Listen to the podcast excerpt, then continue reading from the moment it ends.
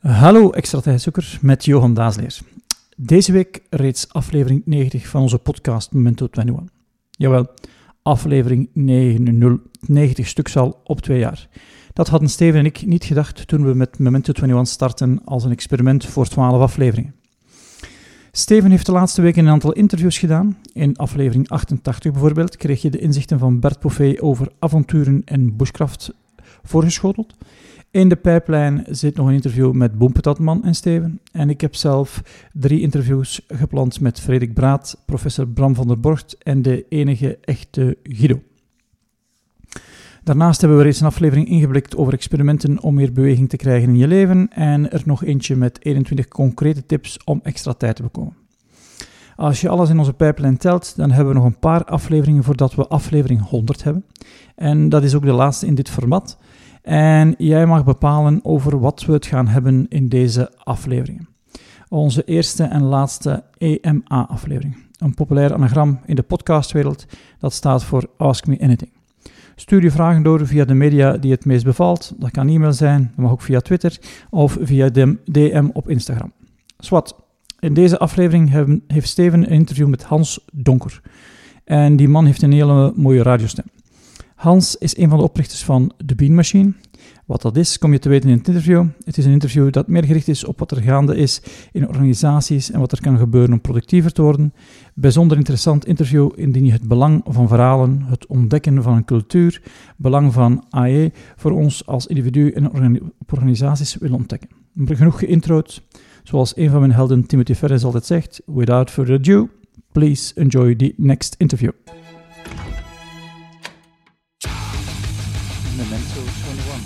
De podcast over persoonlijke effectiviteit.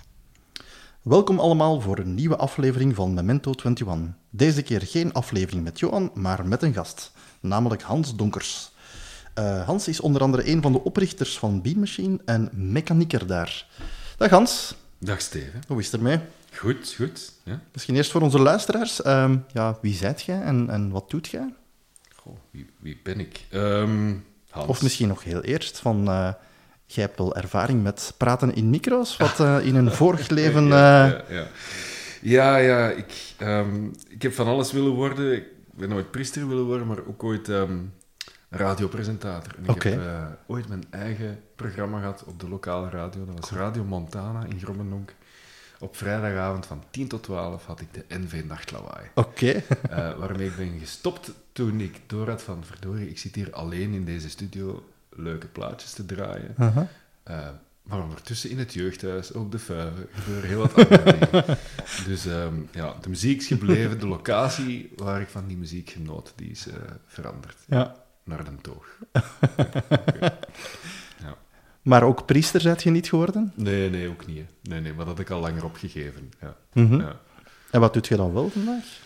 Um, sommigen noemen het um, priester zijn. Hè. Ik, ben, ik ben consultant, Steven. Uh -huh. uh, organisatieadviseur. Um, met Bean Machine helpen wij organisaties om hun strategie, hun cultuur en hun structuur beter op elkaar af te stemmen, zodanig dat zij gewoon beter functioneren als organisatie. Uh -huh. Dus we zijn een beetje de mechaniekers van de structuur van een organisatie. We zijn de ontwikkelaars van mensen en van de cultuur. En dat doen wij bij de hele grote Bel 20 bedrijven, maar dat doen wij ook bij een hoop uh, scale-ups in uh, Doc Noord, in Gent. Um, ja, doen we in diverse sectoren. Oh, okay. ja. En hoe gaan jullie te werk? Um, wij doen wat er nodig is. We hebben geen uh, vaste roadmap. Uh -huh. Wij um, treden graag meteen in dialoog, trekken graag ook alles open. Um, ja, zoals dat vaak gaat, een vraag is niet altijd een vraag. De CEO of een businessleader zit met de handen in het haar, denkt van verdorie, mijn team werkt niet, of verdorie, onze organisatie is niet klaar voor de komst van nieuwe technologie, of uh, weet niet hoe om te gaan met de veranderende markt. Denk dan dat het uh, een competentievraagstuk is, maar dan is, blijkt het soms een cultuurvraagstuk te zijn. Denk soms dat het een cultuurvraagstuk is, maar dan blijkt het soms een structuurvraagstuk uh -huh, te zijn. uh -huh. Dus dat willen we wel graag van in het begin fileren. Um, We komen niet binnen als alwetende. Ik denk dat we curator zijn van, van modellen, theorieën, inzichten. En dat we onze eigen kilometers op de teller hebben. Dus we, brengen wel wat mee. Uh, maar we doen het wel altijd samen met hen. Dat Ja. is denk ik heel eigen aan Bean Machine. Ehm, wij steken graag de handen uit de mouwen en doen dat graag samen met anderen. Mhm. Uh, met, als het even kan, een twist. Uh, we hebben onlangs een nieuwe baseline bedacht. We hebben die nog niet heel wereldkundig gemaakt. Misschien omdat we nog niet helemaal overtuigd zijn ervan. Ik weet het zelf niet waarom, maar het is ehm, in, het, ehm, in het Engels... Bravery makes better business. Hmm. Ja, we zijn ook nogal zot van alliteraties. Eh, maar los daarvan ja, denken we dat er echt wel wat, wel wat lef nodig is in organisaties vandaag. Uh, moed, durven. Ehm, en dus dat proberen we ook in elke interactie zelf ook mee te nemen en bij de, de klant eh, te bewerkstelligen.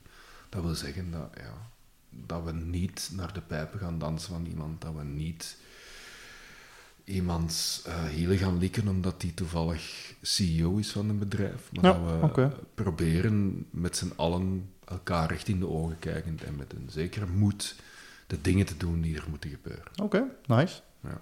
Als we nu kijken naar een van die facetten, een organisatie, ja, elke organisatie heeft natuurlijk wel zijn type structuur Mhm. nodig die bij hem past, maar in grote lijnen moeten heel veel organisaties veranderen in deze nieuwe VUCA-wereld, waar alles, ja, Ja, kunnen daar een soort in trekken van heel veel organisaties staan voor die uitdaging om naar een andere type van structuur te gaan. Ja. En, en wat hoort daar dan zo klassiek bij? Ja. Ehm, om te beginnen, ik ben, wat dat betreft, ehm, hou ik niet zo van eh, te veel ideologie Mhm. in het spreken over organisatiestructuren en organisatievormen. Ehm, ik heb ook te lang eh, eh, filosofie gestudeerd om te kunnen meegaan in een soort van evolutionair denken, eh, Mhm. zoals dat Lalou dat hanteert, met iedereen naar Thiel. Ehm, ik denk dat dat niet klopt, dat kan ook niet kloppen. Een structuur moeten vormgeven ehm, naar het doel dat je wilt bereiken. Mhm. Er zijn ook vandaag, oké ja, VUCA klopt, eh, de wereld kunnen op die manier beschrijven. En toch zijn er nog altijd organisaties die nood hebben aan Ja, voorspelbaarheid. Ja. ehm, en een stuk controle, een stuk stabiliteit. Anderen daarentegen eh, moeten zich anders gaan organiseren. Als wij naar organisaties kijken, dan is dat telkens vanuit eerste vraag van wat wilt jij bereiken, wat is je strategie? hè? Mhm. Ehm, en als dat er eentje is van, ja, ik wil eigenlijk ehm, heel ondernemend zijn hè, en, en, en snel, hè, snel kunnen vervellen. eh, ik wil dat wij onze organisatie, als, ons als organisatie snel kunnen heruitvinden. Ja, dan heb je een hele flexibele structuur nodig. Ja. Eh, maar er zijn vandaag ook organisaties die zeggen van, kijk, ik wil gewoon gigantisch inzetten op kwaliteit en veiligheid. En dat aan de laagst mogelijke kost. Mhm. Ik spreek mij niet uit over de waarde van hun strategie of over het, eh, het duurzame effect ervan. Maar ja, dan heb je een ander soort organisatie. Ja, nodig. natuurlijk. Dus ik ben wat dat betreft nog altijd, om dan toch een naam te noemen, een, een, een, stevige fan van Henry Mintzberg, die een eigenlijk eh, eerst zelfs eh, niet naar organisatiestructuur kijkt, maar naar organisatiedynamiek. Hè. Mhm. Welk soort dynamiek wil je bereiken? Ja. Wilt je dat mensen samen overleggen, of wilt je dat een, ehm, een proces hè, gestandaardiseerd wordt eh, en wil dat dan gaan beschrijven, of wil je eerder de competenties van mensen gaan standaardiseren, en zo verder en zo verder. Ja. Eh, denk je dat je een selecte groep aan de top hebt of nodig hebt hè, die de krijtlijnen uitzet, of zijn het anderen die dichter bij de klant staan die dat Mhm. te doen hebben? Eh, dat heeft allemaal te maken met organisatiedynamieken. Eh, en daar is geen eenduidig antwoord. Dat is heel contextueel, afhankelijk van de strategie en van de lifecycle. Ehm een, een van de, de, de meest gekende eh, scale-ups in Vlaanderen. ehm, we hebben onlangs met hen een, eh, een event samen georganiseerd. Dat was teamleader. Ehm, daar heeft Jeroen de Wit, de CEO, getuigd van hè, het proces dat we een stuk samen doorlopen hebben, waar hij heeft beschreven van een periode hè, van, van start-up waar er eigenlijk heel veel vrijheid, en heel veel flexibiliteit was en wat net op dat moment een kracht was. Hè? Want als start-up weet je eigenlijk nooit echt helemaal goed waarin je precies succesvol gaat zijn. Dus heb je daar een stukje flexibiliteit nodig. Op het moment dat je gaat scalen en zegt van ja, ik wil nu van drie landen naar zes landen en dan van zes naar twintig, ja, dan ga je wel een stukje moeten standaardiseren. En dus je hebt daar een hele sexy scale-up, hè, waar velen in de markt naar kijken, die eigenlijk een stukje stabiliteit en controle aan het creëren zijn. En met goede reden. Uh-huh. Ehm, want als je, ja, als, je, als je wilt schalen ja, en je kent het beproefde recept, dan moet je in die fase dat beproefde recept durven inzetten. En wellicht zullen dan binnen drie jaar denken van, verdorie, we hebben ondertussen iets te lang vastgehouden aan dat beproefde recept en dat maakt dat we ons niet meer aan het heruitvinden zijn. Ja, klopt. Dus hebben we een nieuwe structuur nodig. Ja. Trouwens, wel grappig dat je dat voorbeeld geeft, want Jeroen de Wit van Teamliter is hier ook al gast geweest. Ah, in kijk Metro eens aan. 21. Dus eh, zo zeggen, ik zal in de show notes even eh, terugverwijzen Ja. naar welke aflevering, dan kun je daar even op doorgaan als je dat wilt. Ja. Nu, ik vind het ook wel grappig als je zegt van Bean Machine, vaak zeg je zo van leg eens uit wat je doet op een bierkaartje. Ja. Eh, jij hebt hier toevallig wel letterlijk bierkaartjes liggen. Ja, maar eentje is niet genoeg. Hè. Ja, het, zijn er, het zijn er vier. Het zijn er Ja, vier klopt, geworden, hè. Klopt. Ja, dat is waar. Eh, het is zelfs een boekje, hè. Back of a Napkin. Dat ooit ook nog ter hand genomen. Ja, ik hou wel van... van op zijn minst van een poging om, om de dingen tot de essentie te herleiden. En daar waarin ik in mijn spreken veel woorden nodig heb, eh, Mhm. helpen dan bierkaartjes ook. Ja, het zijn er vier, in vier verschillende kleuren. Wat erop staat is heel eenvoudig. Strategie, structuur, cultuur en mensen. Ja. Ehm, en die leggen we heel vaak op tafel bij klanten. Ehm, waarom? Eh, omdat voor ons een organisatie het samenspel is van die vier elementen. Mhm, mhm. Ehm, en als we het hebben over hè, wat we doen, eh, wat we dan soms organisatieontwikkeling noemen, dan is het op zoek gaan naar ja, waar doet het pijn. Bijna zoals een osteopaat. Ja. En kijken waar zit de spanning. Ehm, en hopelijk eh, is uw strategie al helder. Hè, en laten we er even van uitgaan hè, dat we bij een klant komen en dat hij of zij perfect weet, hè, of het team, het exco, hè, wie het dan ook is, van ja, wij weten waar we naartoe willen gaan, we hebben een heldere richting, we hebben zelfs eh, wat woorden kunnen geven aan onze purpose, Ehm, wij kennen onze value chains en wij weten wat we de komende drie jaar te doen hebben, bijvoorbeeld. Ehm, ja, dan stellen ze vaak wel eens af, vast van, verdorie, ehm, die strategie is er eentje van ondernemen en innoveren, maar we hebben een cultuur die risicoavers is. Ja.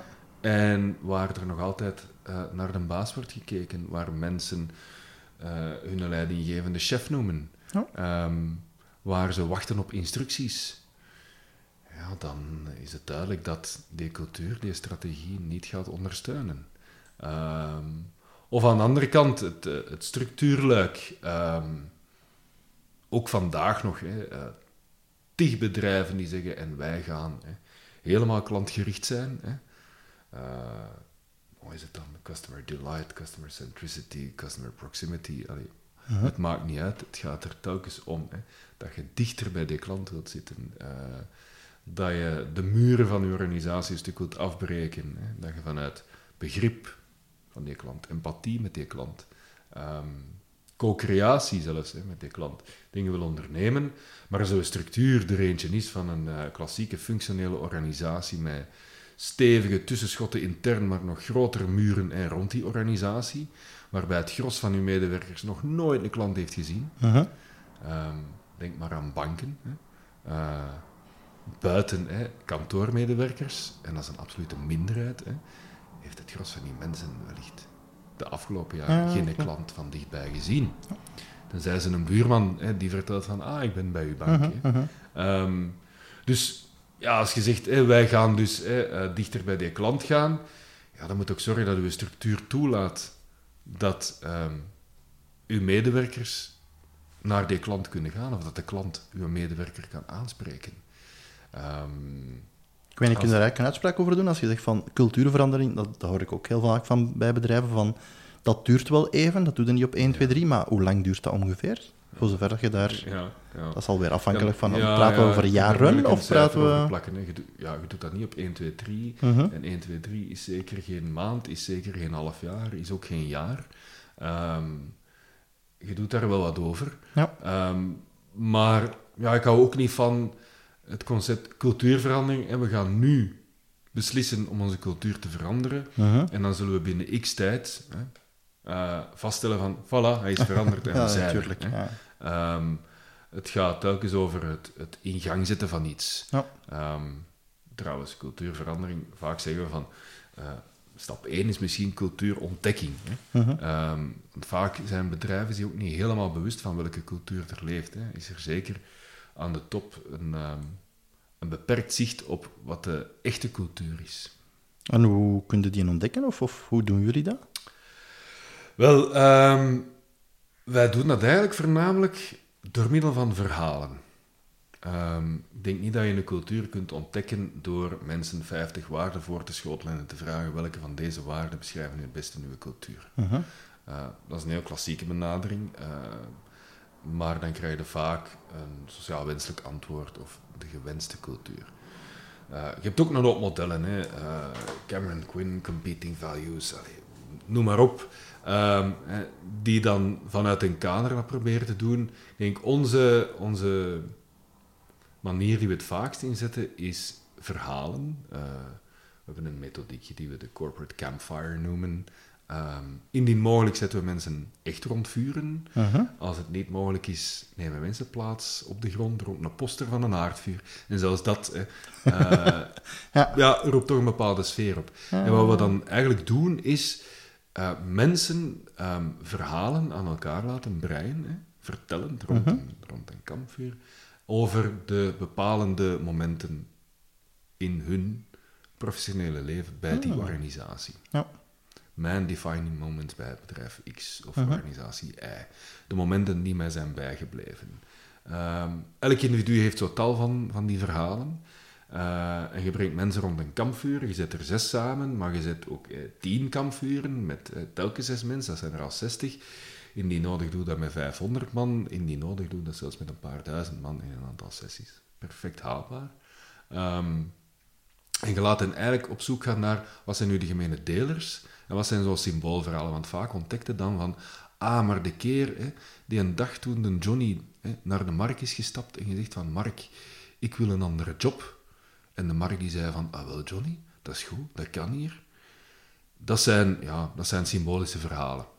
Um, en een organisatie is in staat om die te ontdekken. En dat Ja. zijn vaak andere verhalen dan dan de CEO denkt, hè, dat, Ja, de, ja, dat de defining moments zijn geweest. Hè. Uh-huh. Ja, ja, acquisitie van bedrijf X. Hè, of toen we hè, eh, een bepaald omzetcijfer hebben gehaald. eh, Daar gaat het niet om. Hè. De cultuur ontdekte door ehm, ja, de verhalen eh daarnaar te gaan luisteren en daarin op zoek te gaan naar zich, wat typeert dan al die verhalen samen? Wat is de gemene deler? En dan kun je wel een aantal eh, eh, begrippen gaan gebruiken. Dan kun je abstractere termen gaan, gaan benoemen. Uh-huh. Eh, maar mensen vinden die zelf dan wel. Hè. Ze gaan die dan niet uit een lijstje pikken, Ja. dan gaan ze die zelf benoemen. Dus dat is cultuurontdekking. Ja, oké. Ehm, en in cultuursverandering gebruiken we dan zelfs vaak ook nog ehm, dezelfde methodiek of, of, of hetzelfde medium, namelijk dat verhaal, om te kijken van, tja, en welke van die verhalen willen we nu achter ons laten en welke van die verhalen zijn eigenlijk, dan, dat heet dan zelfs in, in literatuur springboard stories, en wat zijn springplankverhalen voor ons naar de toekomst toe. Ja. En we doen dat zelfs fysiek, hè, in grote ruimtes, over een lijn stappen, hè, als, als, als het ware een, een overgangsritueel of een transitie maken. Van, Ja. Kijk, dit gaat nu... Dit wordt onze kanon van leidende verhalen. Dat is het beeld hè, dat wij hebben van onze toekomst. En dat laten we achter. Het verhaal van een Johnny, dat zou eigenlijk voor iedereen het verhaal moeten zijn. Ja. En dan krijg je ook iets heel anders dan posters of marketing eh, of interne communicatie die de oefening zelf gaat maken en zegt entrepreneurship bij ons is mm, mm, mm, mm, mm. en voor een senior leader is het dat Uh-huh. en voor een frontline leader is het dat. Allee, dat werkt niet. Dus het moet zoveel mogelijk van vlees en bloed zijn. Ja, ik moet nu terugdenken aan Jager-Verzamelaar. In een aantal vorige podcasts hebben we erop gekomen. Dat gaat over we moeten meer terug bewegen zoals vroeger, want we zitten te veel of we moeten meer eten. Maar het verhaal vertellen van waar zitten we vandaag, waar willen we naartoe, wat is onze, ons verleden, en die doorvertellen. En rond het kampvuur moeten we nu spontaan terugdenken aan... Ja, dat is ook zoals het vroeger gebeurde. Hè? Dus, eh, ja, en, en ik, ik heb in het verleden ook nog veel workshop storytelling gegeven. en er is behoorlijk wat evidentie voor de kracht van verhalen. Ehm, ook nog in mijn periode als onderzoeker aan de UNIF, uh, in, in, in, ethiek, was dat een van de, de dingen die mij nogal heeft gegrepen. Je hebt zo'n narratieve ethiek. Eigenlijk gewoon een, een, een, subdiscipline die, die de kracht van verhalen bestudeert in het overdragen van waarden. Uh-huh. En dat is inderdaad iets universeel, iets oerouds. Um, en ja, je merkt ook gewoon dat een verhaal beklijft, dat dat plakt. Als je mensen wilt aanspreken, ja, if you want to touch the heart, hè, uh-huh, uh-huh. in plaats van de mind, ja, dan moet het met een verhaal komen. Ja. Uh, en dat zelfs bon, puur neurologisch is, is dat evident. Hè. Uh, zet mensen rond de tafel en leg argumenten op tafel. En wat dat er dan in onze hersenen gebeurt, is dat er gebieden worden geactiveerd die zeer goed zijn in het oneens zijn met anderen. Ja. In het zoeken naar de fouten in de argumentatie. Um, dus ja, dat is weinig krachtig, argumentatie. Mhm. en, en, en, heel veel communicatie in bedrijven bestaat uit argumentatie. Um, verhalen daarentegen, ja, die activeren andere delen in onze hersenen, die allerlei leuke stoffen hè, um, prikkelen in onze hersenen, waardoor wij wel enthousiasme gaan voelen, waardoor we wel geïnspireerd worden. En als, als je kijkt ook, uh, goede, goede leidinggevenden, die gebruiken bewust of onbewust heel vaak verhalen. Ja. Het, zijn, het is de narratief die telt. Hè. Het, is niet, het zijn niet de afzonderlijke woorden, het zijn niet de, de bullets op een slide, het is de narratief, de verhaallijn. Want dat geeft betekenis. En een bedrijf, finaal, ja, wat, wat is dat? Um, een bedrijf is niks hè, zonder dat mensen een collectief idee hebben dat het iets betekent. Ja. Dat, is, ja, uh, klopt. Ja. Mooi. Een collectieve mythe zou uh, Harari dat noemen. ja. We hebben het net over cultuur gehad en wat dan over de mensen en de verhalen. Ik zie ook het bierkaartje uh, mensen liggen, natuurlijk Ja. een heel belangrijke schakel. Als ik het omdraai, zie ik daar twee zaken op staan. Mindset en muscles. ja. Wat bedoelde daarmee? Uh, daarmee bedoelen we bij Bean Machine dat als je mensen wilt um, ontwikkelen of in beweging wil zetten, dat je altijd op twee dingen moet spelen. Uh, mindset en muscle. Hè. Overtuiging en vaardigheid. Uh-huh.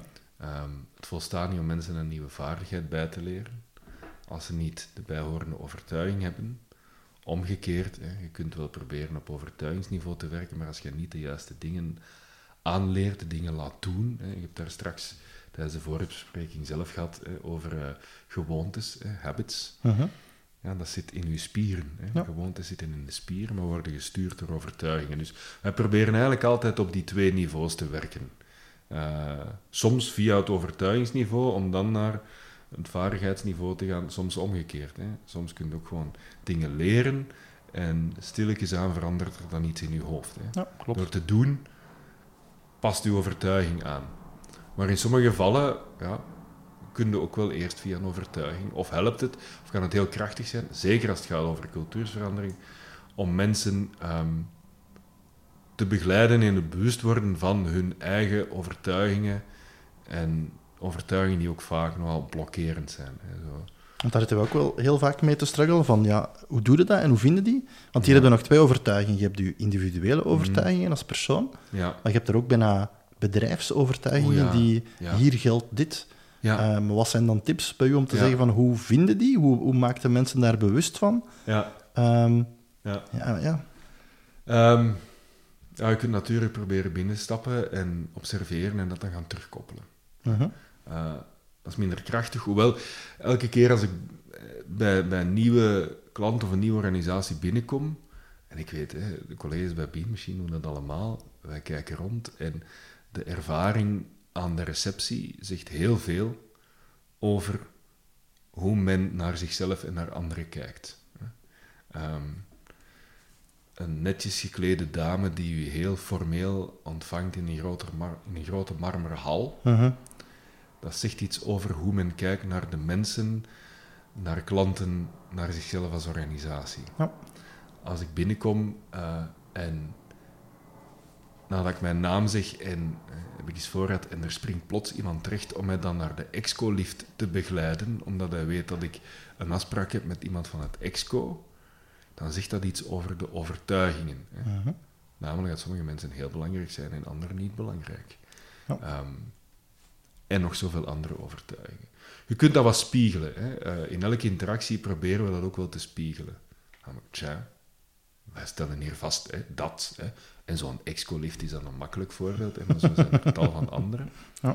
Ehm, maar je, je kunt dat ook doen door mensen daar wat bewust in te duwen. Hè. Eigenlijk mensen wat naar hun eigen valkuil te leiden. We hebben zo bijvoorbeeld een, een, een, een spel, een puzzelspel, waarbij we enfin, mensen in kleine teams een hele moeilijke puzzel laten oplossen. En, en uiteraard gaat het finaal niet om de puzzel, hoewel dat ook daar wel wat de blokkerende assumpties in zitten soms, over hoe je nu precies best samen een puzzel oplost. Uh, maar wat je dan bijvoorbeeld ziet, is dat uh, mensen niet naar... Hè, dat er geen interactie is tussen teams. Hè. Eens in een team hoort je bij dat Ja. team. En dan gaat er geen ander team consulteren. Ja. Tijdens dat spel hè, bieden we de oplossing aan van die puzzel, wetende dat hè, quasi geen enkele eh, ploeg daarin lukt. En toch weigeren mensen die oplossing. Dat is de assumptie van, ik moet tonen dat ik het zelf kan. Mhm. Eh, net nog hè, met een, met een, met een exco op tweedaags geweest. eh, en ja, zij vonden dat voor zichzelf ook heel confronterend. Van, ja, wij vragen geen hulp. Mhm, En mhm. als er hulp wordt aangeboden, dan weigeren we ze. Of het ene team was er dan toch in geslaagd en was zich dan echt aan het afvragen, tja, moeten we die ander nu gaan helpen of niet? Ah, nee, dus een aantal overtuigingen, laat mensen een plan trekken. Het andere team dat hè, aan het sukkelen was, had zoiets van, zij hadden goed, hè, doordat het andere team succesvol was en dat ze de puzzel hadden opgelost, en vroeg ze af van, gaan we kijken? Nee, we gaan niet kijken. Mhm. Want dan, dan tonen we onze zwakte. Dus, dus dat soort over... En, en dan kun je vervolgens wel, hè, na zo'n ervaring, met mensen samen gaan kijken van... Tja, wat is hier nu eigenlijk gebeurd? En wat zegt dit over, hè, inderdaad, onze collectieve overtuigingen? En hoe staat ons dat in de weg? We beweren hier allemaal hè, dat we een transversale organisatie moeten zijn. Hè? Dat we een open eh, feedbackcultuur willen creëren. Hè? Dat we samenwerking willen stimuleren.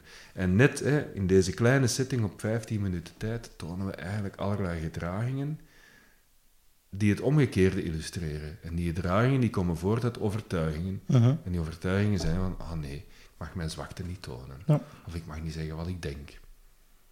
En dus, ja, je moet mensen daar wat ehm, zichzelf laten betrappen. Ja. Ik denk dat dat beter werkt hè, dan wanneer dat je zegt van, oeh, ik ben extern en ik kan jullie dit spiegelen. Absoluut, Allee, absoluut. eh, ik, ik hou ook zo niet van, van de, ja, ehm,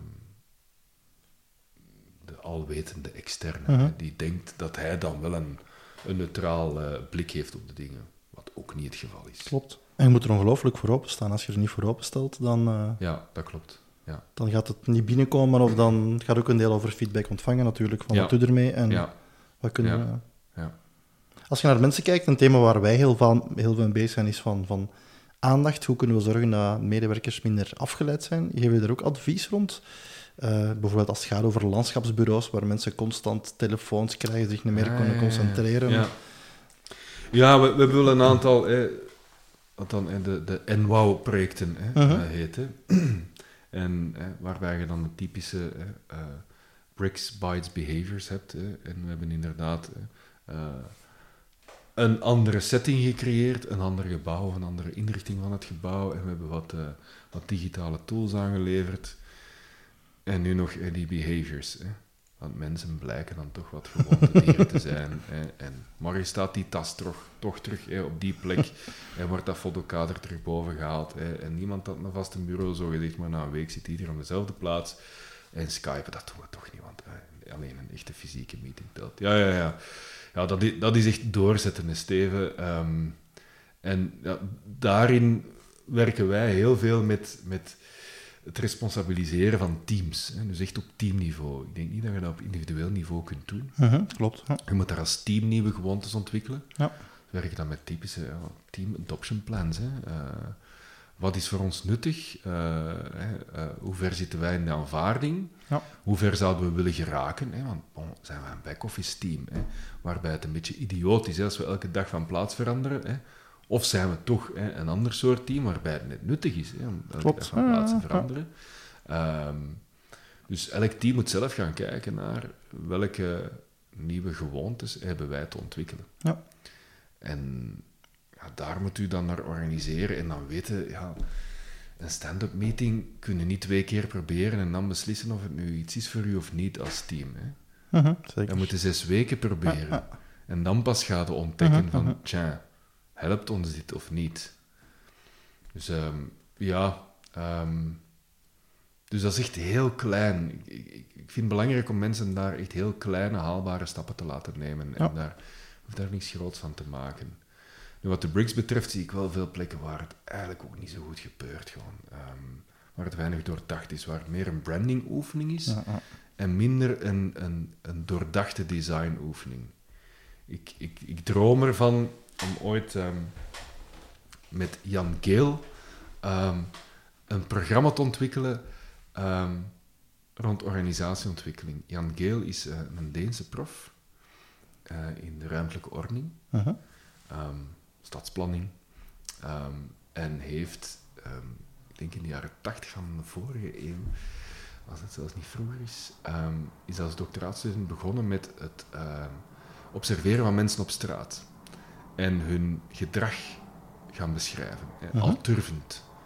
Ehm, stoppen ze of niet? Lachen ze of niet? Hè? Hoe snel wandelen ze hier? En zo verder en zo verder. Is dat gaan koppelen aan ruimtelijke parameters. Hoe hoog zijn de gebouwen hier? Hoe breed is de stoep? Ah, cool. En zo verder en zo verder. Ondertussen heeft hij tientallen hè, van doctoraatstudenten ondertussen die dat voor hem in de hele wereld doen. Eh, maar hij heeft een aantal heel scherpe inzichten over ehm, hoe je ehm, cities for people, noemt hij dat dan, kunt creëren. Plekken waar mensen helemaal in flow zijn. Waar ze op een normaal tempo, met een glimlach op de gezicht en open voor de ontmoeting met de ander, ehm, zich gaan gedragen. Ehm, en dat heeft te maken met ja, allerlei ehm, designprincipes. Bijvoorbeeld in een stad zegt hij eh, nooit meer dan zes bouwlagen. En dat heeft te maken met eh, als iemand op de stoep staat en iemand op het balkon hè, van, de zesde, van de Mhm. zesde verdieping, dan kunnen die elkaar nog altijd zien en zelfs roepend communiceren met Ah, elkaar. Dus dat is nog altijd niet anoniem. Ja. Je herkent nog een gezicht. Ja. Je herkent een mens. Van zodra het dan naar zeven verdiepingen gaat, dan wordt dat anoniem. En dan krijg je een heel ander gedrag in de stad. Hè? Want dan voelt een mens zich niet meer op zijn gemak. Mhm. Eh, en hij beschrijft bijvoorbeeld in, in, in zijn boek hoe eh, elke opera ter wereld, waar dan ook, hè, dezelfde maximumafstanden respecteert. Hè? Van het allerhoogste balkon tot de plek waar de prima donna staat. Ja. Daar is een maximumafstand en dat heeft ook weer te maken met hè, eh, tot waar kun je iemands mimiek nog zien. Of toch wat onderscheiden. En heeft hij dan nu al dingen gedaan voor bedrijven of nog niet? Nee, nee, heeft hij nog niet gedaan. Ik heb, ik heb, ik dat eens naar hem getweet. Ehm, ehm, en misschien is het niet aan Geel. hè. Ehm, we hebben trouwens een, een Belgische prof die momenteel iets gelijkaardigs doet aan MIT. Eh, ik ben heel even zijn naam kwijt. De Ro, denk ik. En dat is, dat is ook een discipline die heel erg aan het opkomen is. En ik droom er wel van om, om, om niet met een binnenhuisarchitect hè, of, of hè, met, met, met, met designers eh, een new way of working plek te creëren, maar echt met mensen die, die dat soort Ja. dingen snappen. Ja. Want je moet een, zeker hè, grote bedrijven in grote kantoren, je moet dat een beetje als een stad beschouwen. Mhm, klopt. Ja. Dat is geen huis. Eh, want men probeert dan bijvoorbeeld hè, in navolging van hè, wat men dan ziet in Silicon Valley. Hè, ah, we gaan ook een pingpongtafel zetten of ook een rode gezellige sofa. En dan zie ik echt zoveel pingpongtafels staan en rode sofa's die door niemand gebruikt worden. Maar Maar de belangrijkste vraag is waarom natuurlijk. Hè. Is design is marketing of wil je Ja, echt... ja, voilà, dat- ja, ja. Is, het- is het een gimmick het- of is het slim Ah, doordacht? Klopt. Ja. Zijn wij hier iets met een rode sofa? Ja, dat lijkt me wel iets interessant. Hoe zijn jullie bij Bean Machine georganiseerd eigenlijk? Hoe, hebben jullie een kantoor? Of, eh, Ja, da- daar ehm, moeten we nu met het schaamrood op de wangen hè, bekennen dat we ondertussen een, eh, een plek hebben. We hebben eigenlijk eh, van bij de oprichting eh, altijd gezegd, work is not an office. mhm. Vanuit dat idee van, allee, werk is een, is, een, is een toestand, is een activiteit. Dat is geen plek. Hè. Ja. Er zijn te veel mensen die zeggen, ik ga naar mijn werk en die Mhm. naar een plek gaan. Ja. Terwijl dat werk, ja, dat kan eender waar zijn. En misschien soms zelfs op, beter op een andere plek. Hè. Dus wij kennen alle goede koffiebars in Vlaanderen en wij hebben daar leuk gewerkt. Ja. Ook met klanten. Ehm, maar hè, naarmate dat we gegroeid zijn, en we zijn nu met 18 mensen, hebben we ook ervaren van, we hebben wel een beetje een nest nodig. Zo een, een thuisbasis. Ja. Ehm, en die ligt nu in Hoboken. Dat is eigenlijk een soort van ja, samenwerk- en ontmoetingsplek. Tot voor kort hadden wij eigenlijk hè, dus geen budget hè, eh, in ons PNL voor eh, kantoorruimte, maar hadden wij een ontmoetingsbudget. Ja. Ah. En eigenlijk activity-based ehm, Ja. plekken huren. Ja. ja.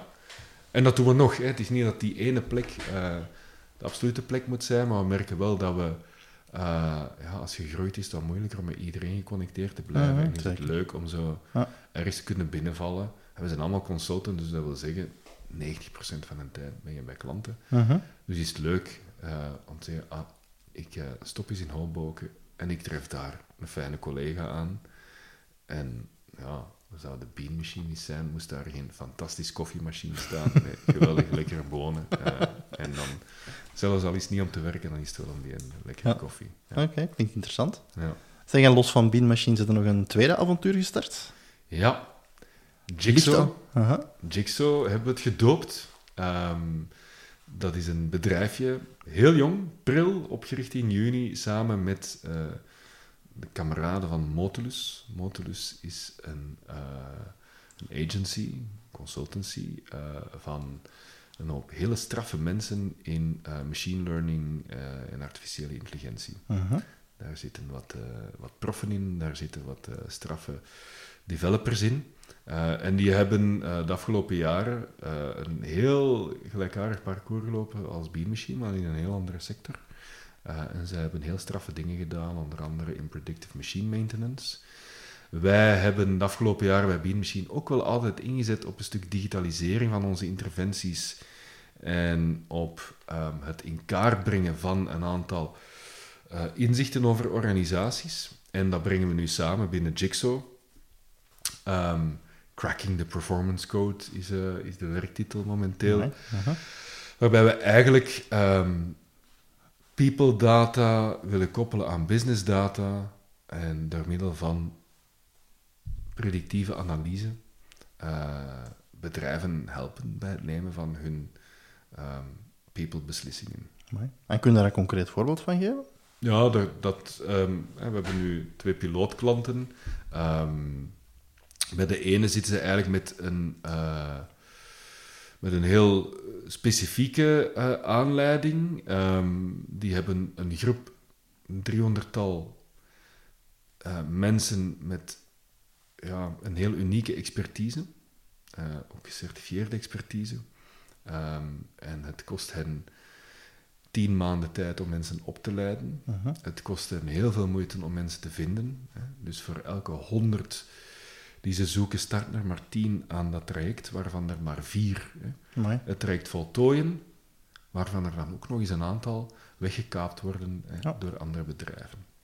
Dus daar zit ze met een geweldig retention issue. Mhm. Ehm, maar hè, dus niet alleen die retention, je hebt eigenlijk een gigantische instroom nodig voor heel weinig uitstroom.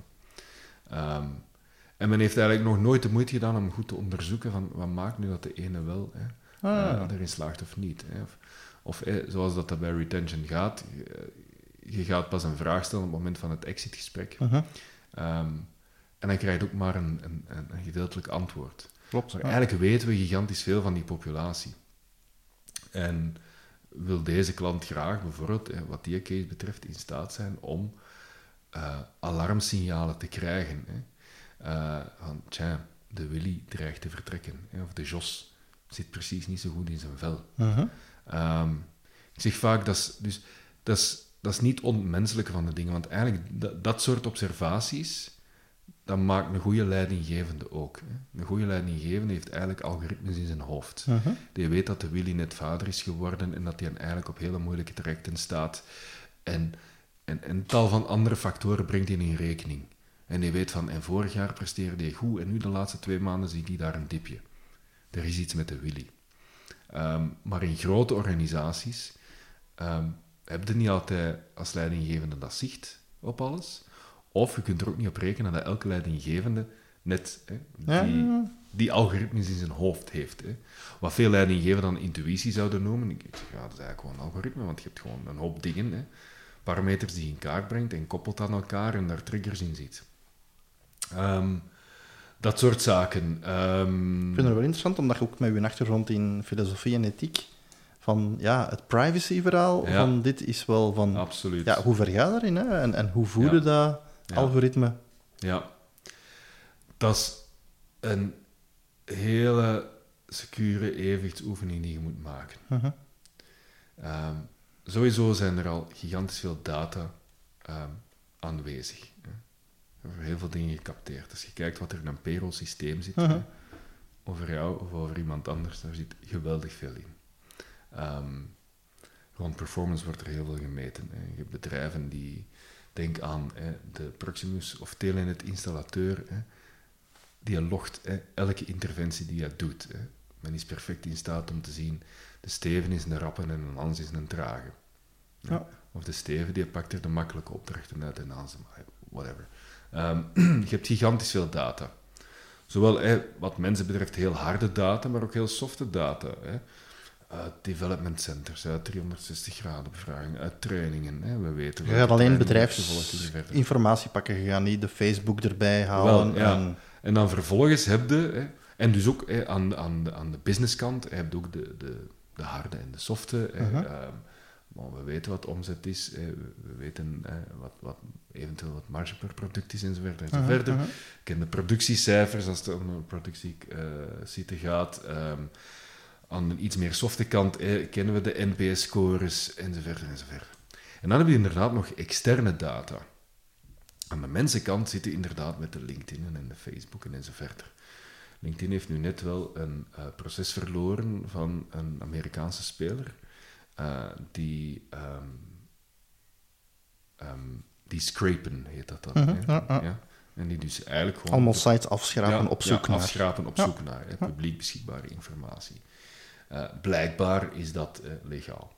Ehm, het is dan nog de vraag of dat moreel verantwoord is. Hè? Daar Mhm. kom ik dadelijk op terug.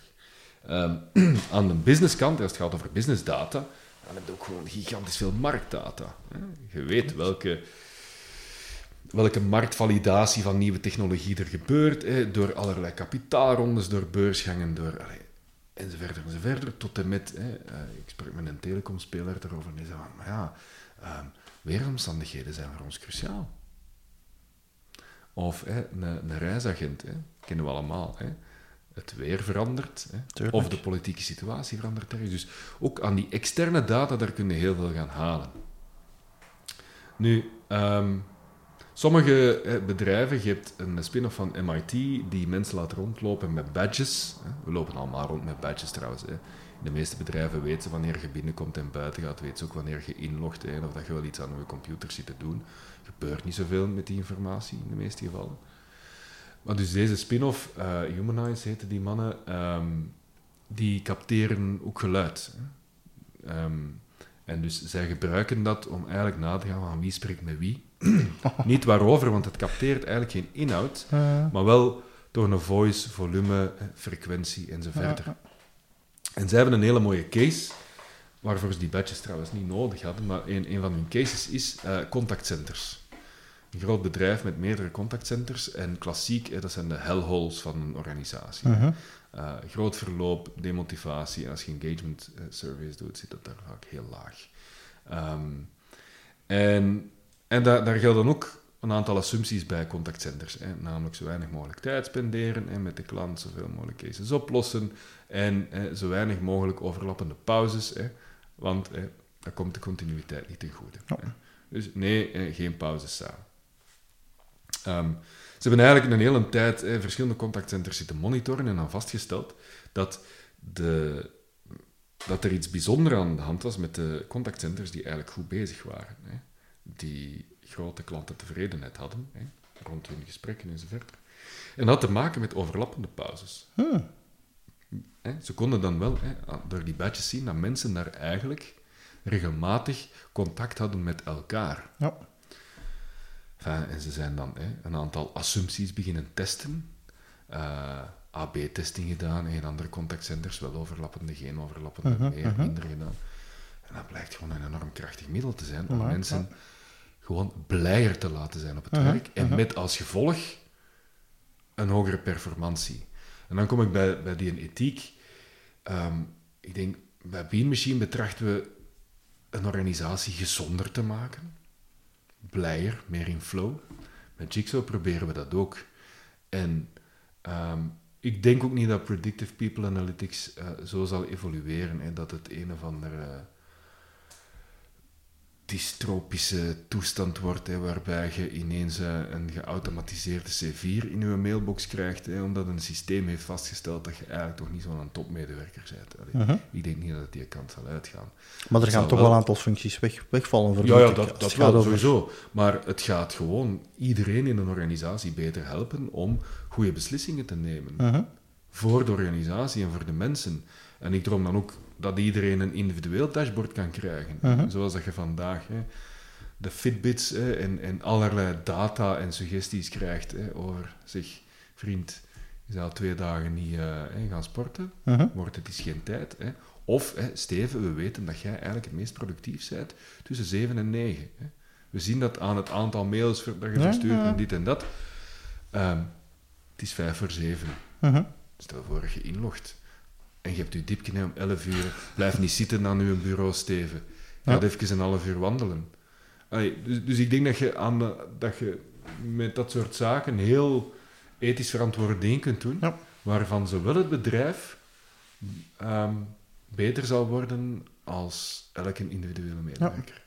Ik had eigenlijk nog nooit eh, als die kant naar AI gekeken, maar ik vind het op zich wel interessant, omdat heel veel organisaties zitten nog in een tijd van, van de lopende band, van iedereen moet tussen 9 en 5 Ja. en iedereen moet 8 uur werken Ja. en pauze, wat is het allemaal.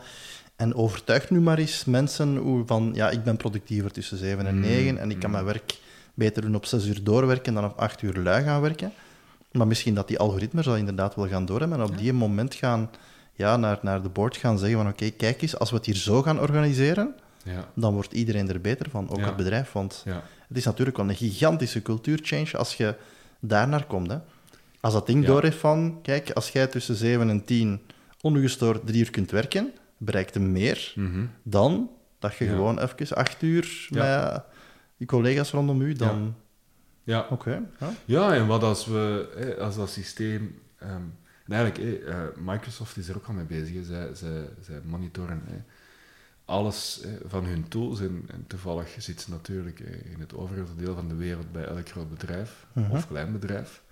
Eh, in principe zijn zij perfect in staat om via Outlook en, en Exchange en zo te kijken van wanneer vinden welke meetings plaats en wie zit daarin enzovoort enzovoort.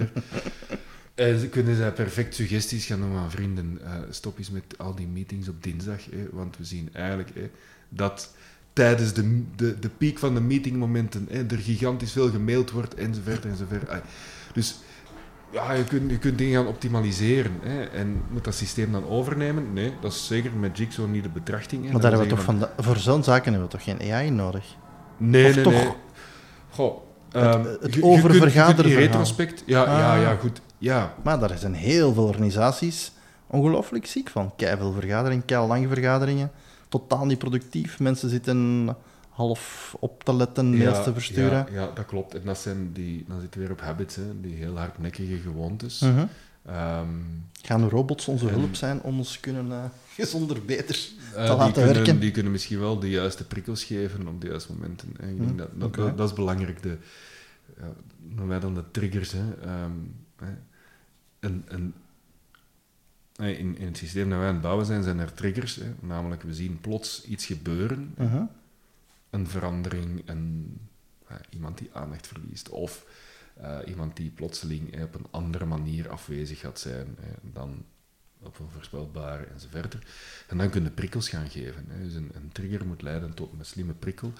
Maar iemand moet vervolgens nog beslissen van aanvaard ik die prikkel? Ja, natuurlijk. Ga ik met de Willy spreken? Ja. Of weet ik gewoon hè, dat de Willy een dipje heeft? Want ik weet ook dat zijn beste kameraad overleden is. Ja. En helaas, hè, Ja. dat weet dit systeem nu niet. Want dat zit niet in ons payroll-systeem. Mhm. En de man zit niet op Facebook. En by the way, we, scrapen Facebook niet. Hè. Ja. Maar ik weet dat leiding. Maar ja, dat, vind ik, dat vind ik een beetje een scary aan het verhaal. Als het algoritme ondersteunend is, dan zie je dat perfect zitten. Mhm. Het is alleen de dag dat er iemand zegt van, hé, hey, wacht eens, als we dat algoritme nu laten beslissen en die een anderen, die een Nee, schakelen nee, uit. Maar ja, er gaan wel mensen het moet beslissingsversterkend zijn. Hè. Ja. Eh, zo kijken wij en onze, en onze, en onze klanten daarnaar. Ja. Dat is niet om iets te vervangen, Mhm. maar om gewoon slimmer te worden. Ja. Omdat vandaag ook veel, ehm veel leidinggevenden beginnen dingen lezen. Hè, en, ehm, er zijn zoveel ehm, assumpties over hoe je de dingen moet doen. Hè. We, we hebben allemaal hè, gelezen, gehoord, gezien hoe Google zich organiseert. En dan denken we, wij gaan dat ook zo doen. Mhm. Maar misschien werkt dat niet zo in uw organisatie. Misschien is de context bij u anders. Ja. Ja, en Google heeft effectief hè, bij zijn teams, hè, samen met Amy Edmondson van Harvard Business School, ondervonden dat hè, eh, psychologische veiligheid hè, de voorspellende kwaliteit is van een team. Oké. Wil dat dan zeggen dat wij in elk bedrijf overal ter wereld maar op één ding moeten inzetten, op psychologische veiligheid? Of kunnen we, door slim te monitoren en te Mhm, meten, mhm. voor onze eigen organisatie ontdekken Ja. wat hier eigenlijk het verschil maakt. En kunnen we dat dan gaan versterken? Ja. In plaats van hè, dat ene artikel uit Harvard Business Review of die een ene boek hè, die nu een hype is, Mhm. te gaan toepassen. En dat algoritme dat jullie maken, dat is nu, zoals gezegd, van ondersteunend voor de leidinggevende in het bedrijf. Ehm, kun je dat ook gebruiken als individu? Dat dat algoritme u zelf komt waarschuwen? Wel, dat is, dat is, eh, maar dat is, dat is een verre droom momenteel nog. Hè. Dus daar zijn we niet aan aan het werken. Maar dat is wel, zit in ons denken, in ons concept, zit dat er wel in dat elke medewerker zijn eigen, zijn eigen cockpit moet krijgen. Hè. Mhm. Dus hè, eh, in Jigsaw is er een cockpit. Het is meer dan een dashboard, want je gaat bijvoorbeeld ook prikkels hè, en triggers kunnen aanvaarden of niet aanvaarden. En dan zeg je van, oké, dit inzicht wil ik nu centraal op mijn dashboard, want dat is iets nieuws. Hè. Ja. Wij gaan dat niet voor u bepalen, wij geven een suggestie van, kijk, hier zien wij verbanden. Mhm. Wil dit hè, in uw cockpit pluggen, als meterke daar hebben? Hè? Ja. Ja. dan nee. Of hè, hier is een prikkel die we u geven, ga erop in, ja dan nee. Mhm. Ehm, dus, en je hebt daar verschillende access levels natuurlijk. Hè. Eh, en je kunt jij per departement gaan kijken, of afhankelijk Ja. van hè, wie welke toegangsrechten heeft. Maar mijn, mijn, mijn droom is wel om, om dat ook aan elke medewerker aan te bieden en effectief hè, te kunnen zeggen van Lasse Steven. Ja. Door al die data die wij van u hebben, hier zijn onze gouden tips voor jou. Ja, Maar het is aan jou om te beslissen om er iets mee te Oké, doen. geweldig. Ja. Het is al volledig zitten. We hebben nu al zo, bij extra tijd hebben we al zo, zo'n Oura-ring dat zegt van hoe goed dat je geslapen hebt Ja, en hoe uitgerust dat je morgens bent om te zeggen van oké, je moet juist hard sporten of niet, of je Mhm. moet juist oppassen. ja. Of inderdaad, tools zouden komen zeggen van hey, je zit hier aan het afleiden op Facebook of je zit hier aan het surfen, ga eens wandelen. ja, Moest dat ding zo vrijblijvende dingen kunnen doen? Zou dat wel leuk vinden. ja. Ja. Misschien dat afhankelijk van de mensen een stap verder mag gaan, dat dat ding je 10 minuten uitlogt, dat je moet gaan wandelen. Stel je voor. Eh, ja, ja, ja. Maar dat... eh, ja.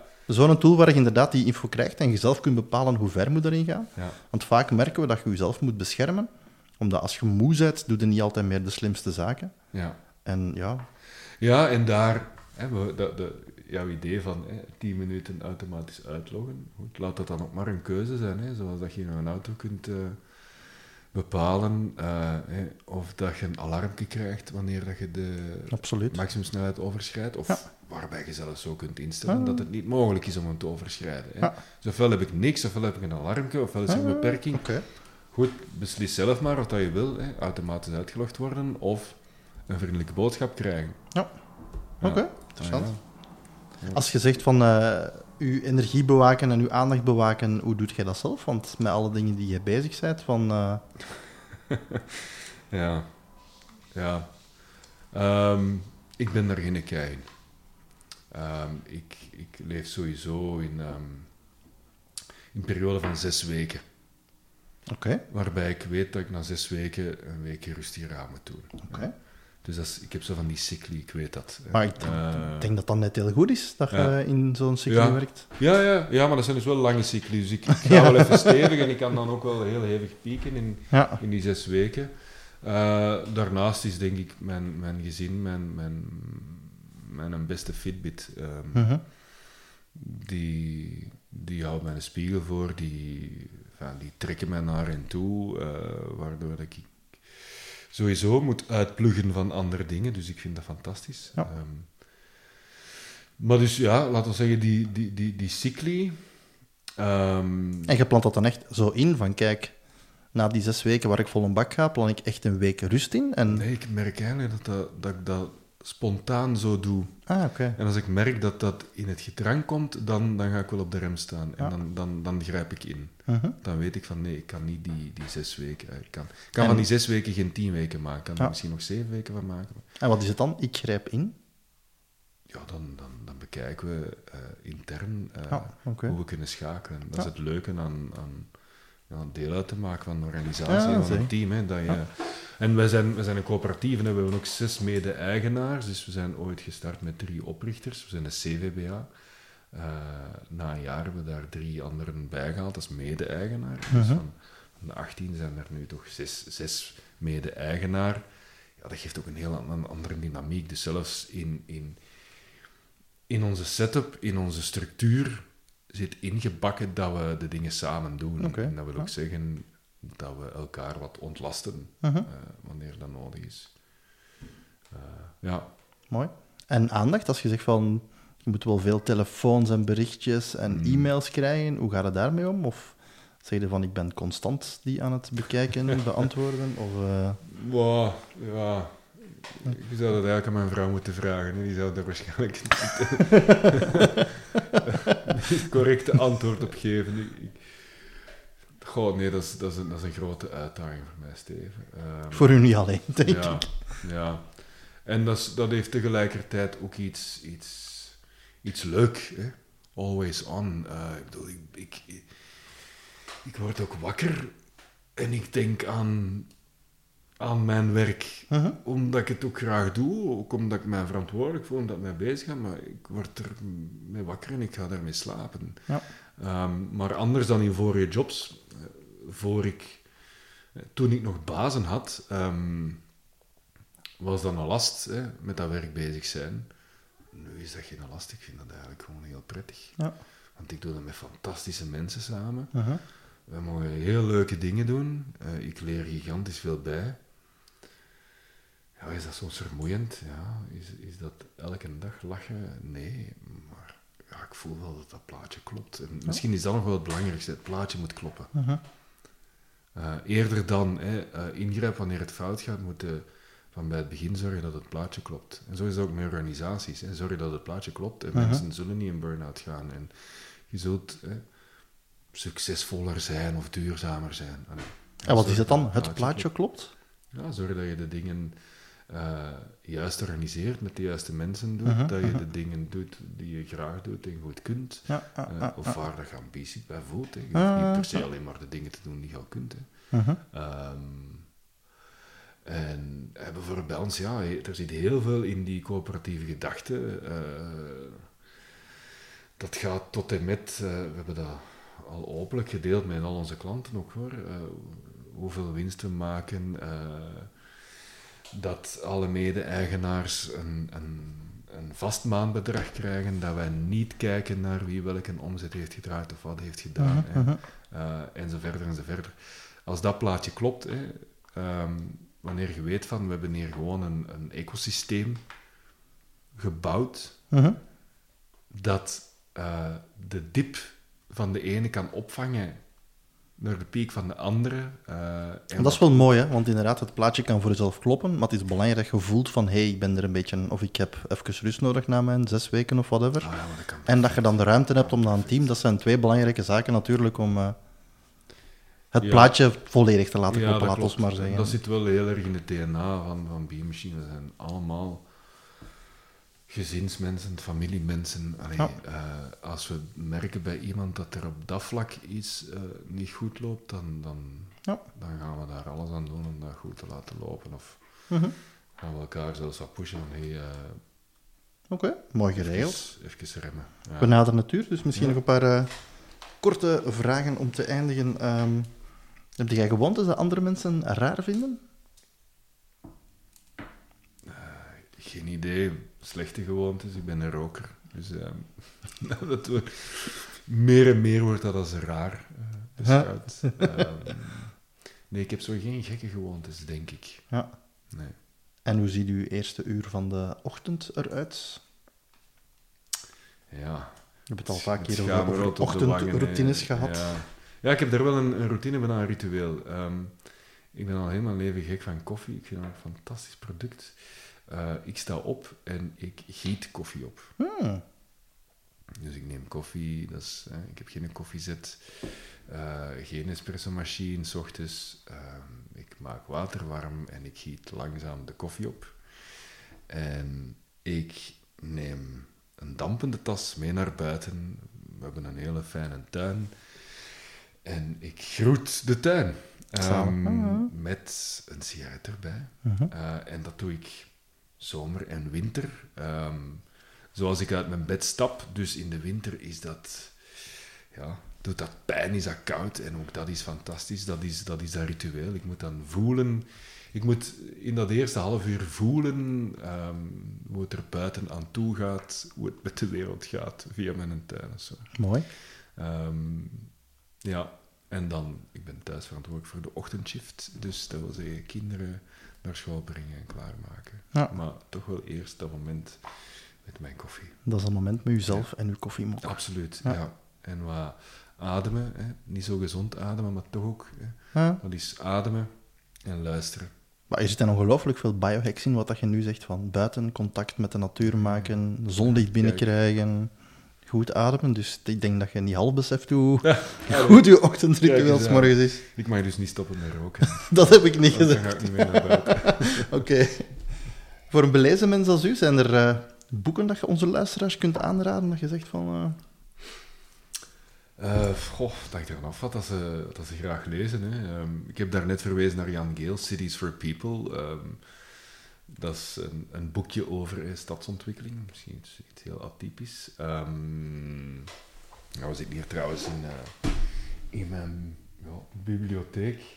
Ehm, ja, Mintzberg heb ik ook naar verwezen. Hè. Mhm, Eh, klopt, ja. Laat dat ook nog maar ehm, eentje zijn. Die, die centraal staat in mijn boekenkast. En, eh, ah, ja, ja, ja. Ja. En nog een andere, maar dat is dan echt terug naar de filosofie. Maar ik heb hem onlangs eh, cadeau gedaan. We hadden een, eh, een CXO-dinner, een aantal eh, ja, mensen rond de tafel gebracht van bedrijven. En als geschenkje had ik een aantal boeken voorzien. Zo vakantielectuur, maar zo niet de typische managementlectuur. En daar zat onder andere Michel Foucault bij. Die staat hier ook. Discipline, toezicht en straf, surveiller et punir. En dat, gaat, dat is eigenlijk organisatie, design avant la lettre. Ehm, dus dat is een sterke. Eh wat staat er nog bij? Lof der zotheid, denk ik, van Erasmus. Leuk boek, ja. ja, Ook ja. leuk voor in de vakantie. Ja, voilà. Dus golf, ja. Oké. In, de boeddhisten zeggen, als de leerling klaar is, verschijnt de meester. Ik heb zoiets met boeken. Hè. Eh, het boek vindt u wel als Ja. je... Of je haalt er dan uit wat je op dat moment eh, Ja, valt. Dus soms is het zelfs zaak van gewoon een boek te nemen Ja. eh, en te zien wat het jou kan brengen. Oké. Luister je ook naar podcasts? Ja, ja. ehm, heel functioneel eigenlijk. Mhm. Ik ga heel gericht op zoek. Ik ben zo geen... eh, ik al- alleen de, de Ezra Klein eh, show van Vox... Mhm. dat ik die systematisch eh, wel, wel wat probeer te volgen. En daarnaast ga ik echt op zoek naar mensen, stemmen die ik wil horen. Eh, en dat gaat van...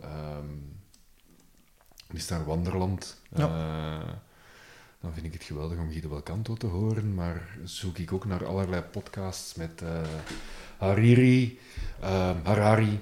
Ja. ehm, om ja, gewoon mijn, mijn, mijn hoofd tijdens een lange autorit te, te voeden. Mhm. Ja. Oké.